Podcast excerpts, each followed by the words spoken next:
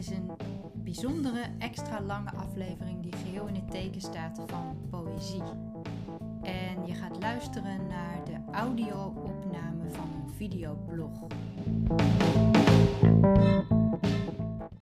Hallo allemaal en welkom bij mijn allereerste videoblog. Poëzie op anderhalve meter.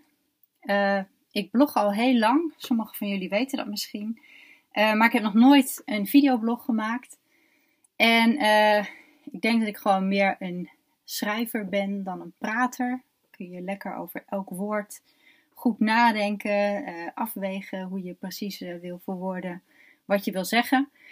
maar ik wilde nu um, in deze pandemie iets doen met poëzie. En um, ik post wel eens gedicht op mijn blog, maar ik vind het ook wel krachtig om poëzie echt ja, voor te dragen.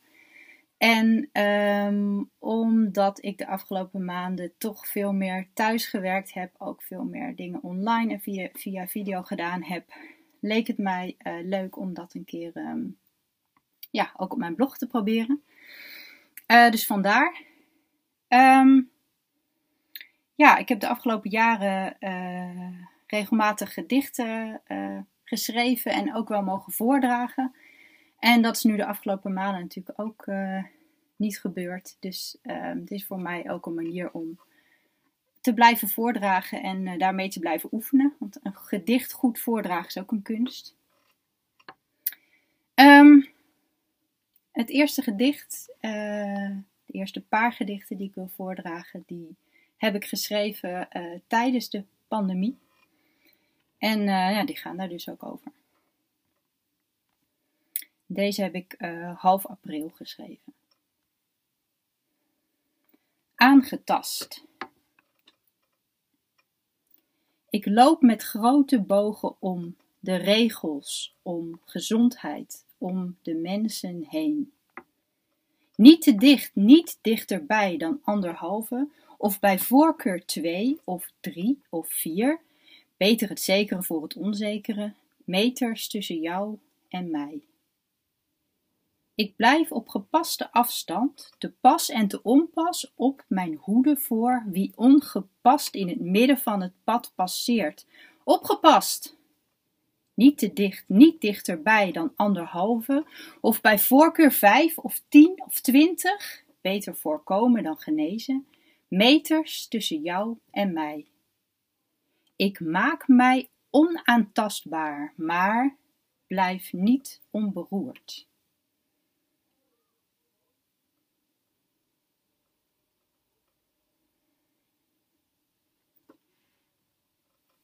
Nou, de kop is eraf. Uh, het volgende gedicht uh, heb ik ook uh, tijdens de pandemie geschreven. Um, ik zit nu veel thuis. ik reis liever niet met het OV. Ik heb ook geen auto, dus dat betekent dat ik veel lopend doe en dus veel in mijn eigen buurt blijf. Het gaat eigenlijk best goed ik merk dat ik uh, helemaal niet zoveel moeite heb eigenlijk met die anderhalve meter. Durf ik bijna niet te zeggen. Uh, heb ik ook een blog over geschreven trouwens. Maar wat ik wel mis is ja, de zorgeloosheid van even naar een winkel, even naar een museum. Um, heel veel van die dingen kunnen inmiddels wel weer. Maar ja, omdat er toch veel mensen zijn die zich uh, zeker de laatste tijd wat minder aan die anderhalve meter houden uh, merk ik dat ik toch veel uh, ja, moet opletten uh, waar ik kom. Um, zelf mensen moet ontwijken. En ja, dat ik doe gewoon daardoor toch wel erg voorzichtig. Ik ga nog niet zoveel meer naar dingen toe als, als vroeger. Nou, en vooral dat opletten en ja, andere mensen ontwijken, daar gaat het volgende gedicht over. En dat heb ik begin mei geschreven. Ochtendwandeling. De vrouw met de blaffende hond, breed uit op het pad. De hardloper die niet opzij gaat. Twee naast elkaar fietsende bejaarden. En ik schiet net op tijd de berm in, rol een paar keer om, om behendig in de beek te belanden. Laat me meevoeren in stromend water. Maak een salto in de waterval. Land onderaan in de poel. Zwem naar de oever. Klim uit het water. Druip af naar huis. Net nu ik eraan begin te wennen, wordt de rest van de buurt anderhalve meter moe.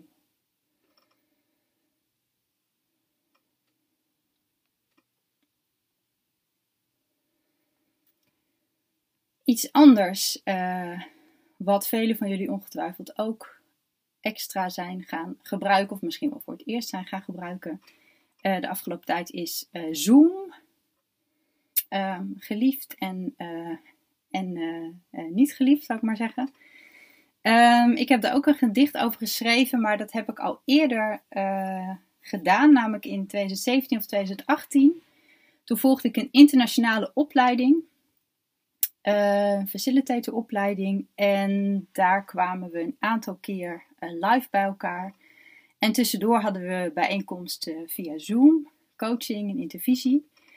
En dat was voor het eerst dat ik echt veel Zoom gebruikte en veel online bijeenkomsten had. En ik vond dat super ongemakkelijk. Ik voelde me helemaal niet verbonden met de anderen. Ik wist ook niet op welk moment je nou wel wat kon gaan zeggen of wanneer niet. Dus ik was ook heel uh, passief in die, uh, in die overleggen. Um, daar heb ik toen een uh, gedicht over geschreven. En dat heb ik een beetje in aangepaste vorm eind vorig jaar, dus nog voor de pandemie, heb ik dat ook op mijn blog gepubliceerd. het is in het Engels. Het werkt bij mij altijd zo dat een gedicht ja, ontstaat in mijn hoofd. Een, een zin of een woord of een, of een strofe. En um, dat is of in het Engels of in het Nederlands. Uh, het zijn de enige andere, andere talen, daar kan ik geen uh, poëzie in schrijven. Die beheers ik niet goed genoeg. Um, en deze, omdat de opleiding in het Engels was, denk ik, uh, kwam in het Engels. Dus het is een Engels gedicht. Wat best goed eigenlijk ook past bij deze tijd. Denk ik. Another Zoom call. I look into a nostril or at an empty chair. I also see myself, which is distracting. How's my hair? No one looks me in the eye. I did not shake their hands. And suddenly I'm wondering would they be wearing pants? It can be quite unsettling being on a call. It may say I'm connected, but I don't feel that at all. All incidents portrayed in this poem are fictitious. No identification with actual persons is intended or should be inferred.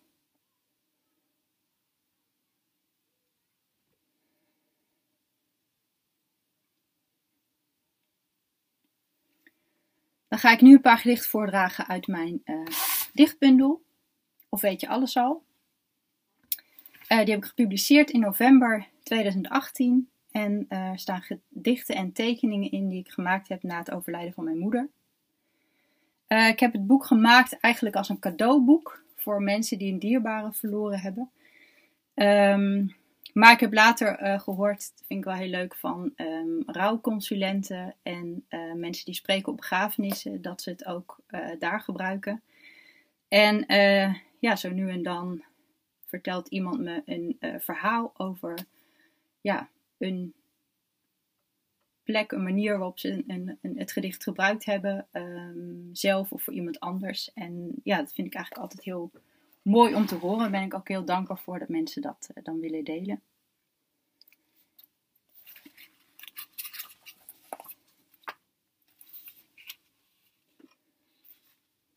We hebben tijd. We denken we hebben tijd voor ruzies, voor koppigheid voor even afstand van elkaar. We hebben immers nog tijd om alles uit te spreken, lief te hebben, sorry te zeggen. Totdat de tijd je plots ontvalt en je wordt ingehaald door later. Dan is er alleen nog tijd voor had ik maar, een eeuwig vragen. Heb ik het goed gedaan? Was ik de beste mens die ik kon zijn, tussen begin en eind? Terwijl ik dacht, we hebben tijd.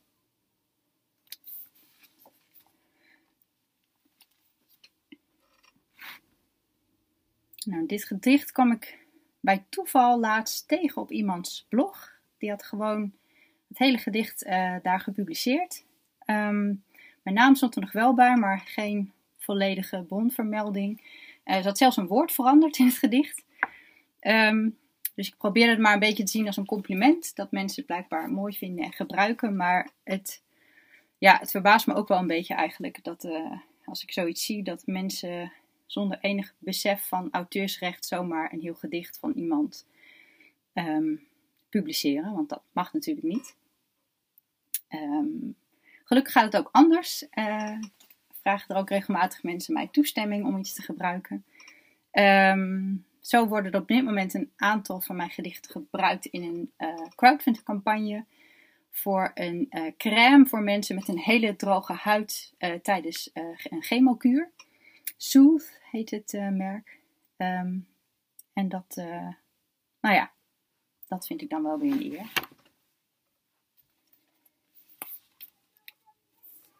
Nog een gedicht uit de bundel.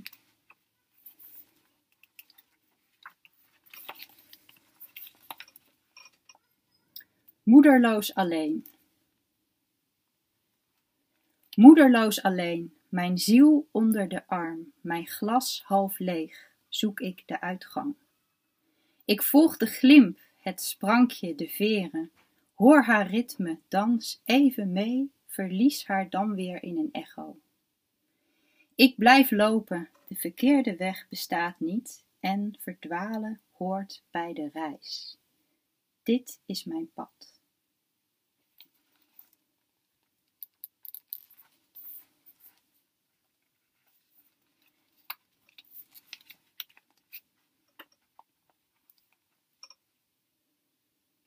Niemand die het merkte.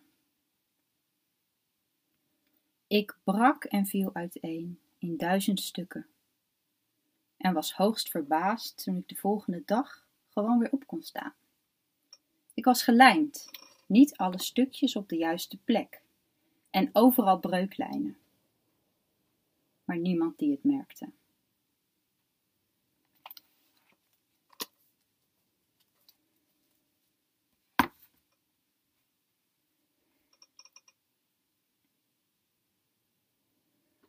Volgende gedicht staat uh, niet in de dichtbundel, maar zoals je zult merken is het wel uh, een beetje hetzelfde thema zou je kunnen zeggen. Uh, het staat niet in het boek, ik heb het ook later geschreven, maar het gedicht zit wel in de voorstelling die ik samen met uh, theatermaker en zangeres Nele Mennis heb gemaakt.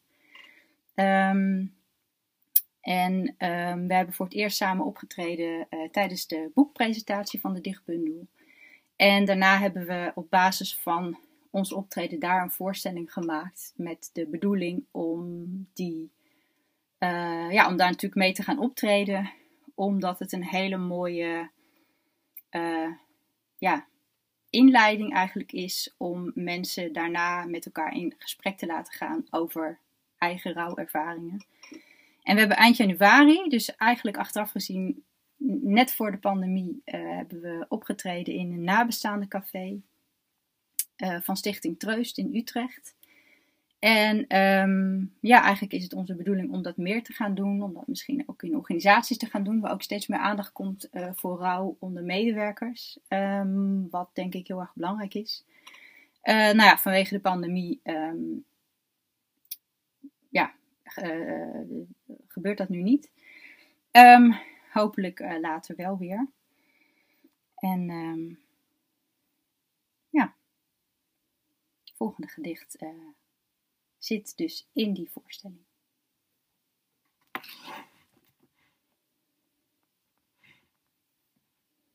Bepansering. Haal zakdoeken in huis, van papier of stof Sluit ramen, deuren en hoofdstukken. Kruip onder deken, schreeuw in kussen, draag enkel nog zwart. Neem dagelijks voldoende chocolade, begoocheling en wijn. De suiker en alcohol zullen de pijn verdoven. Lees zo weinig mogelijk en uitsluitend over zakelijke onderwerpen. Kijk liever geen films, ook geen documentaires. Zeg altijd dat het goed met u gaat en hou het kort. Vermijd echt contact, een arm, een schouder. Verander vlug van onderwerp. Ga verhuizen, verbouwen, scheiden. Verander van baan, werk hard, wees druk, blijf altijd bezig, ga opruimen. Maar natuurlijk niet haar spullen. Vermijd te allen tijden de stilte. Maak lawaai uw bondgenoot. Als u echt wilt wandelen, loop dan langs een drukke weg en niet in het bos. In geval van nood, wend u tot het internet. Met name sociale media zijn effectief. Volg iedereen en lees alles. Ga desnoods wezenloos websurfen. Adem diep in. Adem niet meer uit. Zet u schrap en niet meer lief.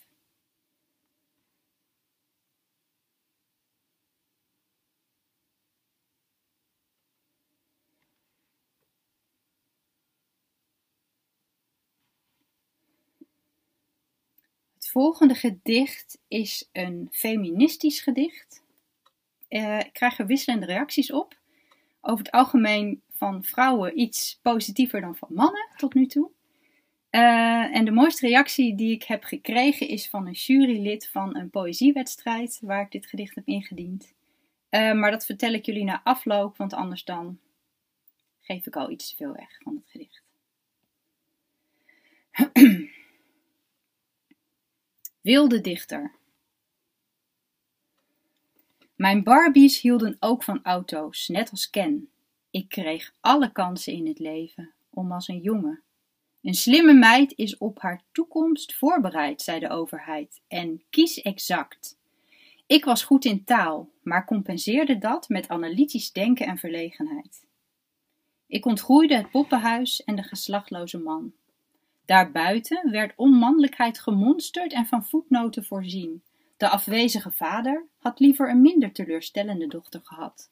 De lerares miskende dat de leerling haar gedichten zelf schreef. De koopman prees zo'n jong meisje dat al een boek had geschreven. Ze was 37. De zusters verschopten hun onwelgevallige soortgenoot. Diverse mannen vroegen de jonge dame of ze niet wat vrolijker kon kijken. Anderen bezwadderden mij ook, met ongepaste tastzin, onbezwaard door tegengesputter. Het belegen meisje werd niet opgegeven, moest gekoost, gecorrigeerd, ingelicht, uitgelegd, opgezadeld, afgewimpeld, bedaard, bezwaard, verlicht, afgeraden, ingeperkt, toegestaan, weggewoven, uit de droom geholpen, in slaap gesust. De veelbelovende loopbaan belandde in onbestemdheid. De manager verwachtte tranen bij het afscheid. Barbie parkeerde haar leaseauto aan de wilgen, wilde dichter worden. Ken probeerde haar tegen te houden duwde zijn piemel in haar gezicht. Ik trok zijn hoofd eraf.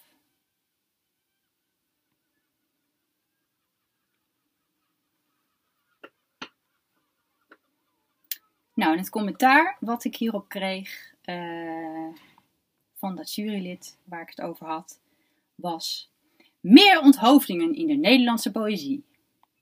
Nou, dat vond ik wel uh, leuk om te horen.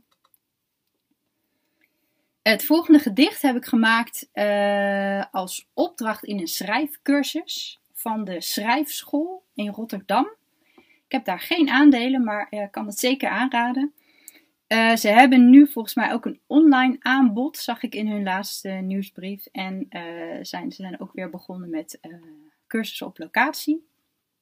En de schrijfcursus die ik heb gedaan, die heet Schrijven voor Nieuwsgierigen.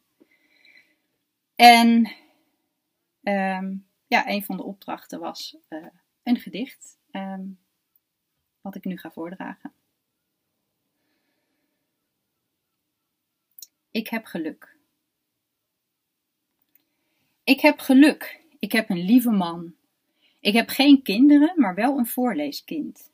Ik heb geen auto en sta dus nooit in de file. Ik heb geen baan, maar wel werk te doen. Ik heb de tijd, maar soms geen geduld en dan toch haast. Ik heb geen duidelijk plan. Ik heb een zwemdiploma, een veterdiploma, een gymnasiumdiploma. Ik heb een universitaire bul. Ik heb geen flauw benul. Ik heb goede hoop.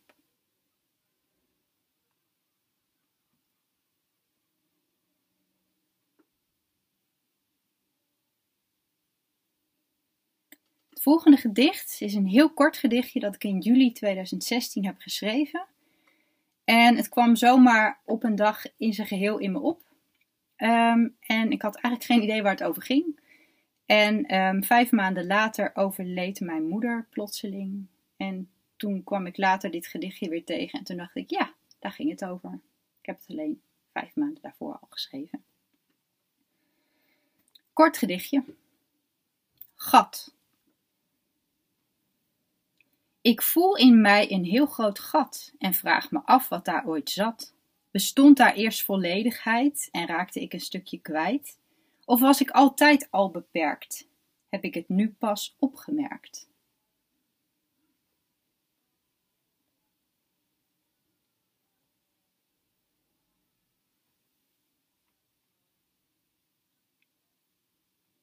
Afbellen.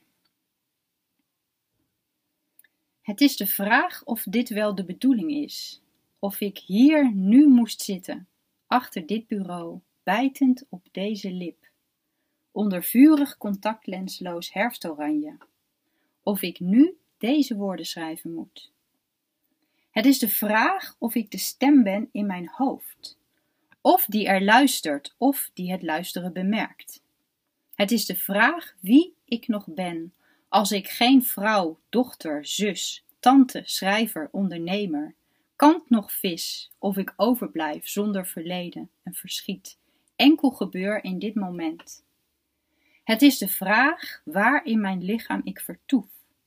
Als ik mijn voet, een hand, een been, arm, romp, als ik mij deel voor deel ontmantel, wanneer ik dan mezelf verliezen zal en of ik voortbesta na bast en dood, en of ik dan mijzelf tegenkom. Het is de vraag of ik wel schrijver ben van dit gedicht en over wie het eigenlijk gaat.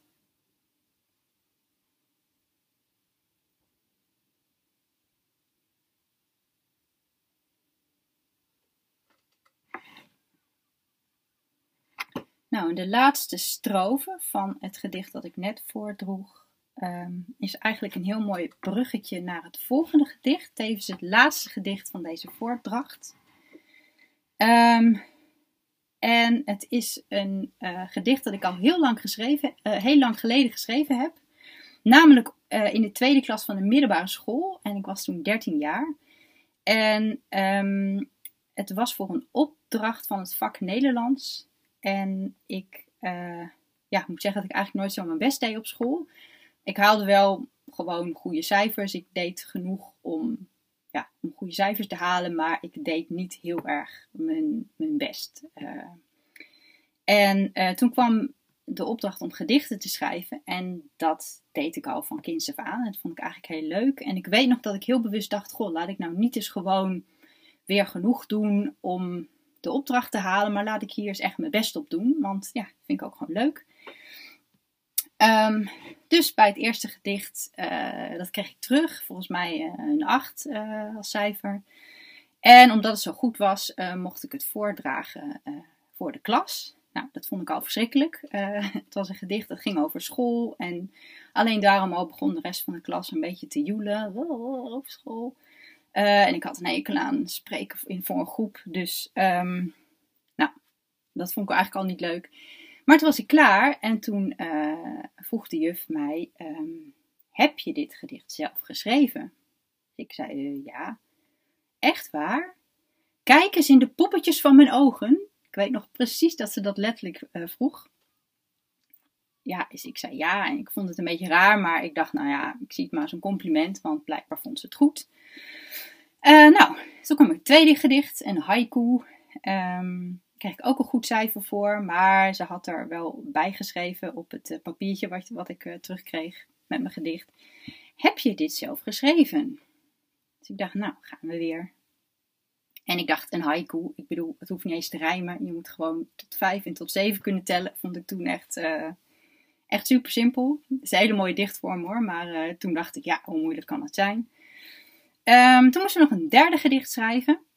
En ehm, toen ik dat terugkreeg, het huiswerk, toen had ze daar geen cijfer op gegeven. ze had erbij gezet, je krijgt geen cijfer, want dit gedicht heb je niet zelf geschreven en ik ga je ouders bellen. Nou, en toen brak mijn spreekwoordelijke klomp. Dus um, ik kwam thuis met dat verhaal en mijn moeder heeft niet afgewacht tot de juf belde. Die is zelf de juf gaan bellen en um, ik zat daarnaast. En uh, nou ja, heeft de juf toch wel even laten weten dat ik dat gewoon toch allemaal zelf uh, schreef. En dat het toch niet de bedoeling was dat ze mij zo uh, behandelde. Um, nou ja, een beetje een gek verhaal. um, En um, ik heb later nog wel eens uh, geprobeerd die juf te googlen. Met name toen ik mijn dichtbundel ging uitgeven, leek het mij wel leuk om haar even weer eens een berichtje te sturen. maar ik heb haar niet kunnen vinden en ik weet dat haar achternaam Van Leeuwen is, juf Van Leeuwen.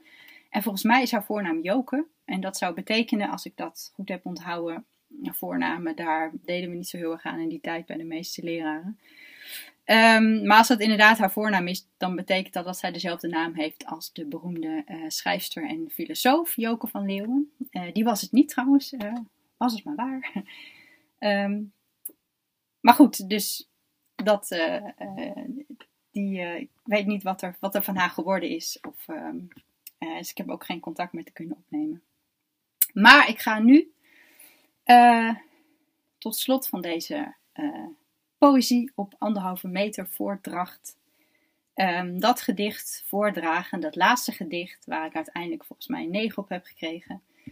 Um, ja, wat mijn moeder voor mij geschreven heeft. Nee hoor, ik heb het echt zelf geschreven. Gedicht.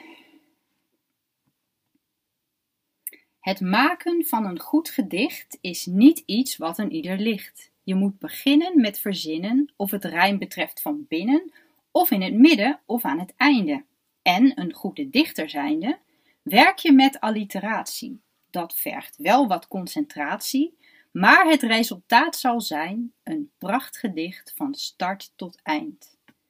Toch voordat nu de dichter klaar is, voor de tijd van stoppen daar is, moet hij nog veel werk verrichten, moet hij lange tijd aan dichten. Dat komt aan op fantasie.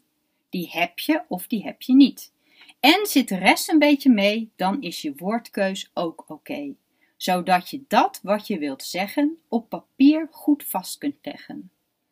Als je alles heel goed kan, geen zin te kort, geen zin te lang, dan kun je er wel van op aan dat dichten voortaan goed zou gaan.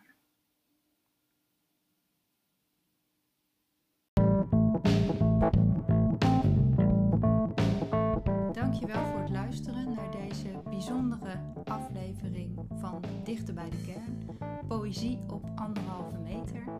Uh, ik hoor graag wat je ervan vond. Uh, dus uh, als je wilt, laat een bericht voor me achter. Tot de volgende keer. Thank you.